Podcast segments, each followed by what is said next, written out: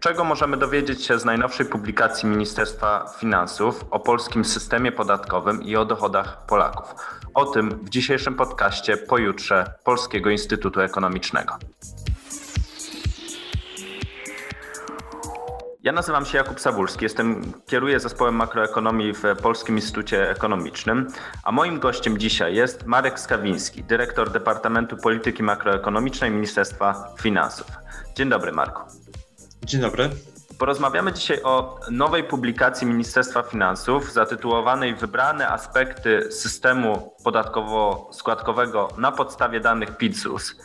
E, I to jest publikacja, w których no, ministerstwo pokazuje mm, drugi raz, bo pierwsza, pierwsza, pierwszy raz pokazało e, mniej więcej rok temu tę, tę, publikację, ale pokazuje dane o dochodach i o E, o tym, jakie płacimy podatki od tych dochodów e, na podstawie właśnie danych z deklaracji PIT i z bazy danych e, ZUS. I pierwsze pytanie do Ciebie, Marku, chciałbym, żebyś opowiedział trochę o tych danych, to znaczy, jaka jest, jakie jest źródło tych danych, skąd one pochodzą, bo wcześniej, jeszcze jak spojrzymy kilka lat wstecz, to instytucje publiczne w ogóle nie ujawniały tego, tego, typu, tego typu informacji. Więc jaka jest teraz użyteczność tych danych dla naszej debaty publicznej? Dziękuję za to pytanie. Geneza e, tego, tego kompendium to tak naprawdę prace operacyjne, które wykonuje Ministerstwo Finansów. Głównym zadaniem e, wydziałów, z którego się wywodzę, było liczenie skutków fiskalnych i redystrybucyjnych zmian w systemie podatkowo-składkowym. I model, który, e, model, który, który obowiązywał w Ministerstwie Finansów, kiedy zacząłem tam pracować, był oparty na badaniu budżetów gospodarstw domowych. I to badanie budżetów gospodarstw domowych y, niestety cechowało się dwoma y, wadami, które powodowały, że te mikrosymulacje nie były odpowiedniej jakości i na, jej, na ich podstawie decydenci y, nie mogli podejmować aż tak dobrych i dokładnych decyzji, jak mogliby po tym, co my zrobiliśmy. To znaczy, y, w szczególności w badaniu budżetu gospodarstw domowych, y, nie widać dobrze górnych dochodów, które, y, które deklarują ankietowani. I jest tak, że z roku na rok tak naprawdę sytuacja się pogarsza, to znaczy response rate w badaniu budżetu gospodarstw domowych spada, w związku z czym ten udział wysokich dochodów w ankietach y, jest y, cały czas y, spada. W związku z tym w celu wykonywania podstawowej działalności Ministerstwa Finansów, to znaczy oszacowywania planowanych, planowanych działań, już w 2017 roku zdecydowaliśmy się na przejście z modelu opartego na, badania budżety, na badania budżetów gospodarstw domowych, w skrócie BBGD, na tak zwany model oparty na danych administracyjnych. Yy, I żeby to zrobić, zmieniliśmy ustawę o systemie ubezpieczeń społecznych, która pozwoliła Ministerstwu Finansów pobierać te, pobierać te dane. I teraz ten główny model mikrosumacyjny, który jest używany w Ministerstwie Finansów, jest oparty na danych administracyjnych, czyli na deklaracjach PIT, i to jest liczba podatników w tej bazie danych rokrocznie to jest około 26 milionów osób, natomiast ubezpieczonych około 18,6 miliona osób. Y, natomiast też trzeba podkreślić, że to jest praca zespołowa i taka praca bardzo u podstaw, dlatego że y, dlatego że gdy dostaliśmy surowe dane, trzeba było je przetworzyć, w związku z czym tak naprawdę y, ja wypowiadam się za o wiele szerszy zespół, od informatyków po osoby, które Y, które po analityków danych i tak naprawdę ekonomistów, którzy zajmują się tymi, tymi, y, tymi danymi. I, I oprócz tej podstawowej działalności, którą wykonujemy, y, uznaliśmy na pewnym etapie, co spotkało się z aprobatą kierownictwa, że warto w celu wzmocnienia debaty publicznej pokazać, jakie te dane są i jakie te dane są i jak naprawdę wygląda sytuacja podatkowo-składkowa w Polsce. Mhm, świetnie, czyli jak rozumiem, w tej chwili możemy zamiast bazować na danych ankietowych, po prostu bazować na danych rzeczywistych z połączonych deklaracji PIT i bazy danych ZUS, tak? Tak, tak. Mogę jeszcze powiedzieć, że, że idziemy jeszcze o krok dalej. To jest jeszcze zapowiedź dalszych plan, planów, które już realizujemy. To znaczy, też próbujemy rozszerzać nasze środowisko analityczne o dane na przykład dotyczące transferów, dlatego że też w literaturze ekonomicznej tak naprawdę często nie mówi się o klinie podatkowo-składkowym, ale też o klinie podatkowo-składkowym transferowym, czyli, czyli też bierze się pod uwagę, jakie transfery otrzymują poszczególne gospodarstwa domowe. Mhm. No dobrze, to przejdźmy w takim razie do tych danych, to znaczy do tego, co z nich wynika, bo jest kilka rzeczy, które dla przeciętnego czytelnika, nawet mnie, może być zaskakujące. To znaczy, pierwsza rzecz, która zaskakuje, to jest średnie wynagrodzenie, bo ono w tych danych jest dużo niższe niż to średnie wynagrodzenie podawane przez e, GUS. I teraz pytanie, czy y, błędne jest wynagrodzenie podawane przez GUS, czy to jest po prostu jakaś kwestia innej statystyki, innego liczenia tego średniego, y, średniego wynagrodzenia w waszych, w waszej publikacji, w waszych danych. Przy umowie o pracę to średnie wynagrodzenie jest o ponad 1000 zł niższe niż to, co, e, to, co podaje e, GUS. Z czego wynika ta różnica? to może od razu podkreślę, y, że w, żadnej, w żadnym stopniu nie powiedziałbym, że te dane, które podaje GUS są, są y, w jakikolwiek sposób niewłaściwe. Chodzi o różne metodologie. To znaczy, y, te, ta miara, którą ty podałeś, opiera się na danych PIT. I należy pamiętać o kilku rzeczach, które odróżniają dane PIT od tych danych, które, na których opiera się GUS. GUS mianowicie tak naprawdę operuje w trzech miarach y, i podaje, i tak naprawdę jeżeli mówimy o przeciętnym wynagrodzeniu GUS, to też nie wiadomo do końca, y, co mamy na myśli, dlatego że występują trzy miary tego przeciętnego wynagrodzenia, to znaczy y, przeciętne miesięczne wynagrodzenie w sektorze przedsiębiorstw, które tam w 2017 roku wynosiło około 400, 4530 zł. Bardzo zbliżone jest przeciętne miesięczne wynagrodzenie w sektorze przedsiębiorstw bez wypłat nagród zysku oraz tak zwana najszersza miara, czyli przeciętne wynagrodzenie w gospodarce narodowej w wysokości 4271 zł w 2017 roku. I ta miara, którą ty podałeś, którą my podajemy w naszym kompendium, to jest miara oparta na danych y, PIT, które charakteryzują się w szczególności tym, że y, my operujemy na deklaracjach rocznych. Y, to znaczy, podajemy średnie wynagrodzenie z umowy o pracę, niezależnie od tego, kto ile przepracował miesięcy.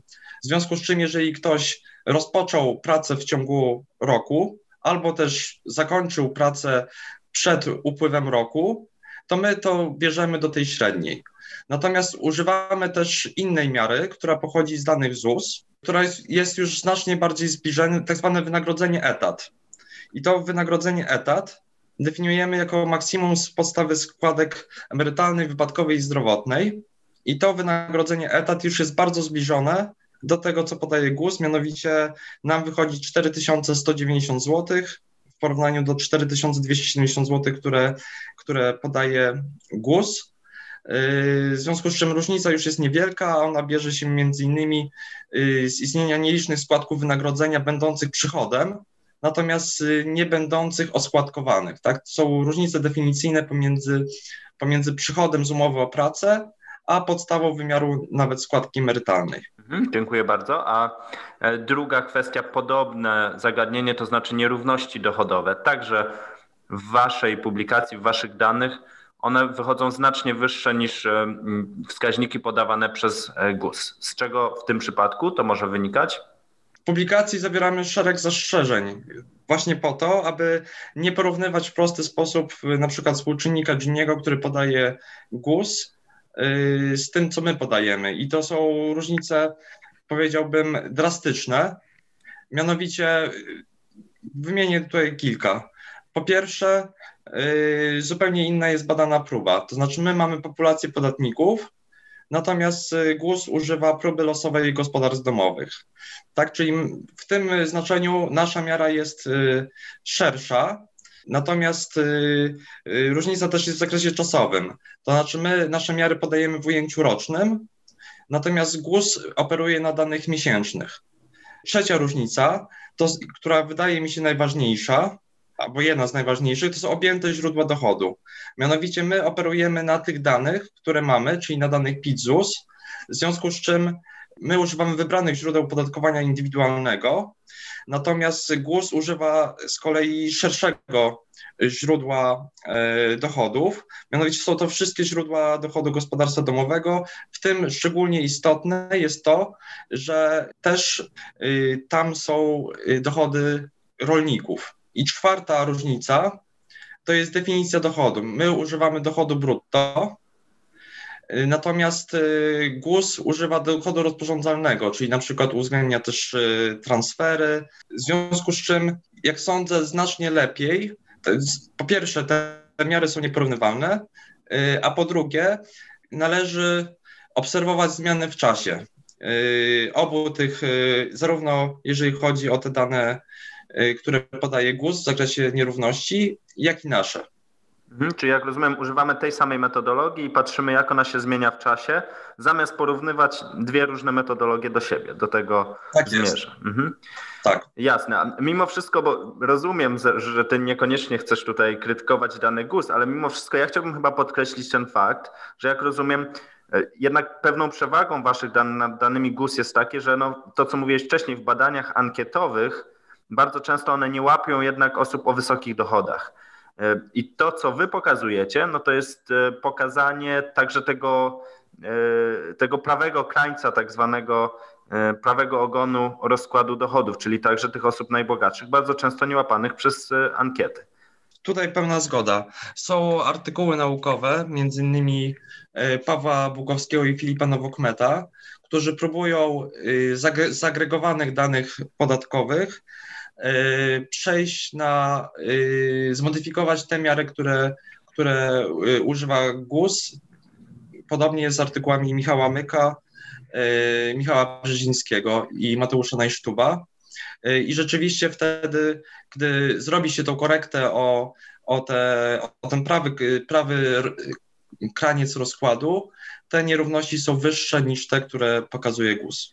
Dobra, kolejna rzecz, która zaskakuje, E, w tych danych, które pokazujecie, to jest, no użyłbym takiego słowa, kosmiczny wręcz odsetek pracowników zatrudnionych na umowę o pracę, które dostają wynagrodzenie w okolicach płacy minimalnej, czy, czy dokładnie równe płacy minimalnej lub w okolicach płacy minimalnej.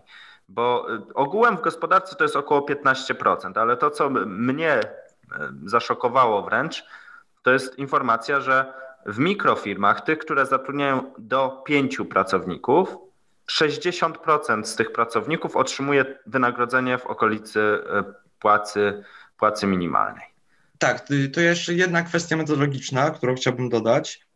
Yy, mianowicie my trochę uciekamy od tego sformułowania yy, mikrofirma, mała firma czy średnie przedsiębiorstwo, dlatego że że to jest to zdefiniowane w prawie przedsiębiorców i ta definicja, która jest używana w prawie przedsiębiorców jest znacznie szersza niż ta, której, której my używamy i, doty, i dotyczy między innymi jeszcze obrotów, sumy bilansowej. E, natomiast my definiujemy wielkość firm e, pod względem liczby zatrudnionych, średniorocznej liczby zatrudnionych z danych ZUS, a więc tak jakby trochę uciekam od tego uproszczenia, że to są mikrofirmy, tak jakby w sensie, w sensie prawnym, mhm. natomiast rzeczywiście ta relacja jest, y, jest bardzo silna, jak, jak pokazują nasze dane, to znaczy dla przykładu od 0 do 5 zatrudnionych udział osób na płacy minimalnej to jest około 60%, natomiast już w firmach, które zatrudniają średniorocznie powyżej 500 pracowników, jest to 1,6% i rzeczywiście idzie to bardzo liniowo i rzeczywiście ta skala na początku jest, jest y, ta skala udziału tej płacy minimalnej w tych przedsiębiorstwach, które zatrudniają niewiele osób, y, poniżej 10 jest naprawdę wysoka.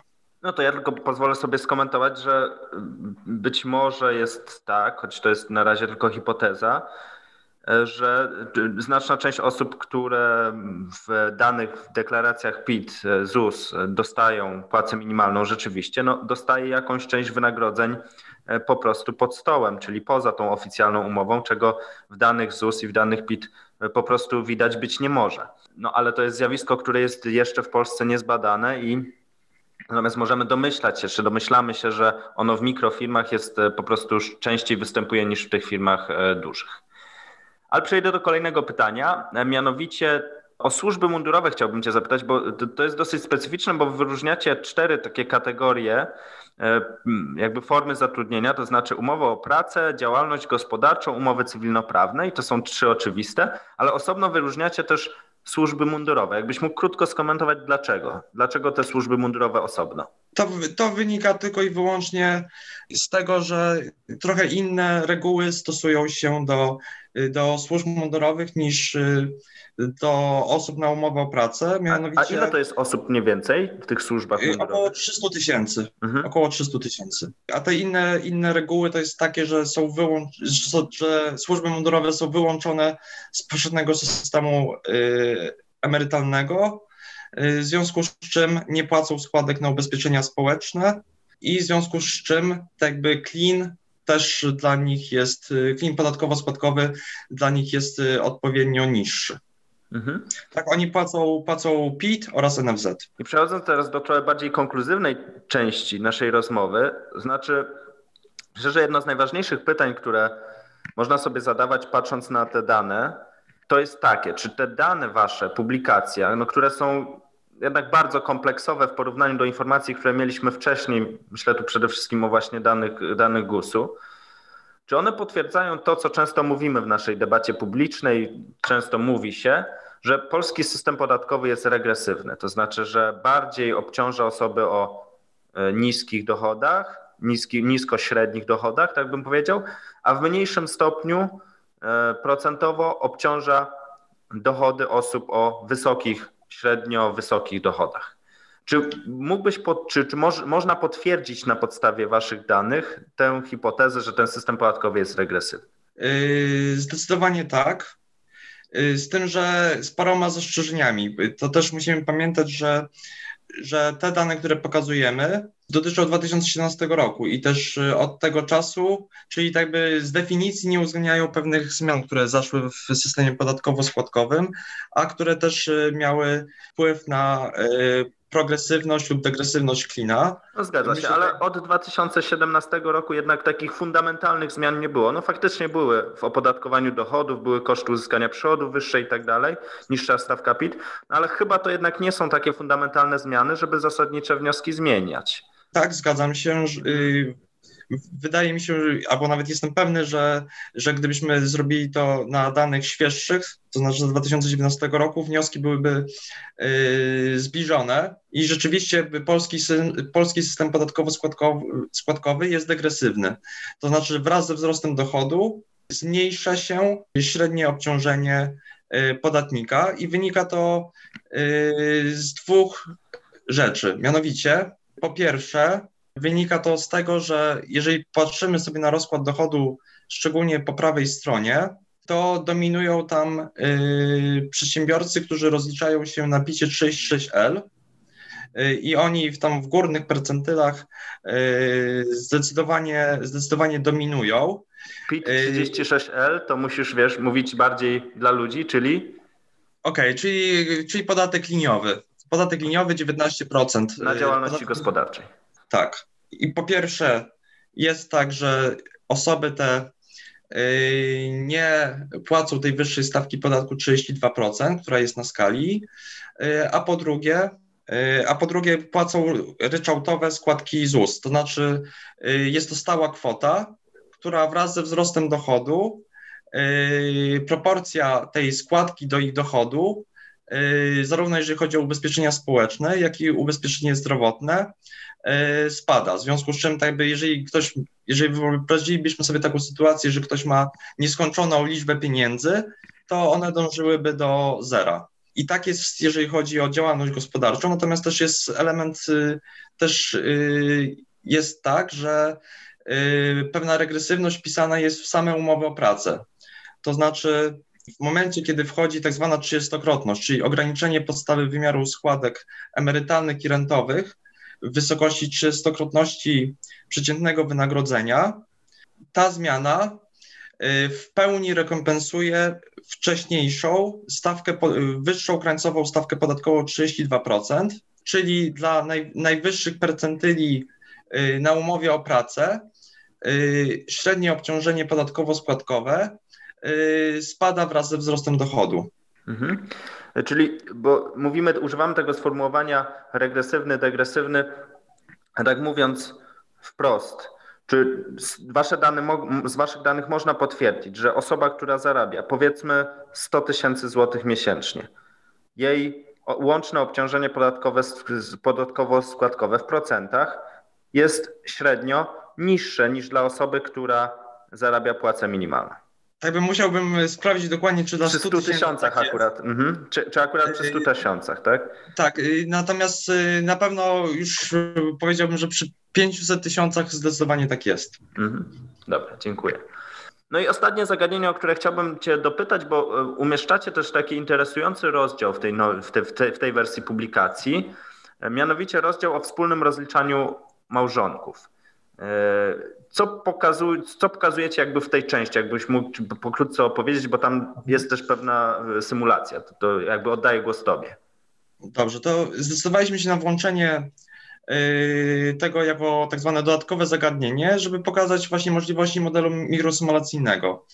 To znaczy, robimy tam taką symulację, która polega na tym, że w scenariuszu bazowym, scenariusz, scenariuszem bazowym jest tak, jak rzeczywiście rozliczają się yy, podatnicy, czyli yy, ci, którzy decydują się składać deklaracje wspólnie, deklarują wspólnie swoje dochody. Natomiast w scenariuszu symulacyjnym każdy z podatników rozlicza się indywidualnie. I porównując te dwie kwoty, możemy, możemy określić, jak duże są korzyści ze wspólnego y, rozliczania. Y, I z naszych symulacji wynika, że łącznie podatnicy zyskali 3,3 miliarda złotych w 2017 roku y, na tej preferencji. I pokazujemy też, do kogo trafia ta preferencja. To też jest w pewnym sensie elementem degresywności systemu, dlatego że około 70% korzyści 2,4 miliarda złotych trafia do około 20% małżeństw o najwyższych dochodach. Dlaczego tak się dzieje? Dlatego, że największe korzyści ze wspólnego rozliczania y, mają te osoby, w których jedna osoba jest w drugim progu podatkowym, natomiast druga osiąga, y, osiąga nieznaczne dochody, w związku z czym tak jakby część dochodu tego małżonka, który jest, który zarabia lepiej, jest opodatkowana niższą stawką e, krańcową, czyli nie 32%, tylko 17% w obecnym systemie. Mhm.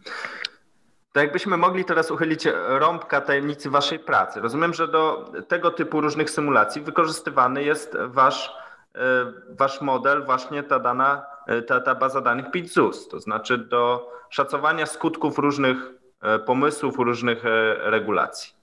Tak, ja może powiem o takim przykładzie, który, który rzeczywiście się zrealizował i, i, i wszedł w życie, y, a ten model właśnie po, na połączonej bazie PITZUS idealnie nadawał się do, do wykonania tej pracy i byłby niemożliwy tak naprawdę na żadnym innym y, narzędziu. Y, to jest tak zwana mała działalność gospodarcza plus. Tam kryteria do tego, aby, aby móc skorzystać z małej działalności gospodarczej były dotyczyły przychodu, czyli tak jakby części podatkowej, natomiast sama regulacja dotyczyła zmiany w wartościach składek, w związku z czym posiadanie połączonej bazy PIT-ZUS i y, opracowanie modelu mikrosymulacyjnego y, na tej bazie pozwalało na bardzo precyzyjne określenie skutków fiskalnych oraz skutków redystrybucyjnych y, małej działalności gospodarczej plus, to znaczy, y, to znaczy ile poszczególne decyle dochodowe zyskiwały na tym rozwiązaniu. Super, dziękuję bardzo. Marek, dziękuję Ci bardzo za tą rozmowę. Moim dziękuję gościem bardzo. był Marek Skawiński, dyrektor Departamentu Polityki Makroekonomicznej Ministerstwa Finansów, a to był podcast pojutrze Polskiego Instytutu Ekonomicznego. Dziękuję. Dziękuję.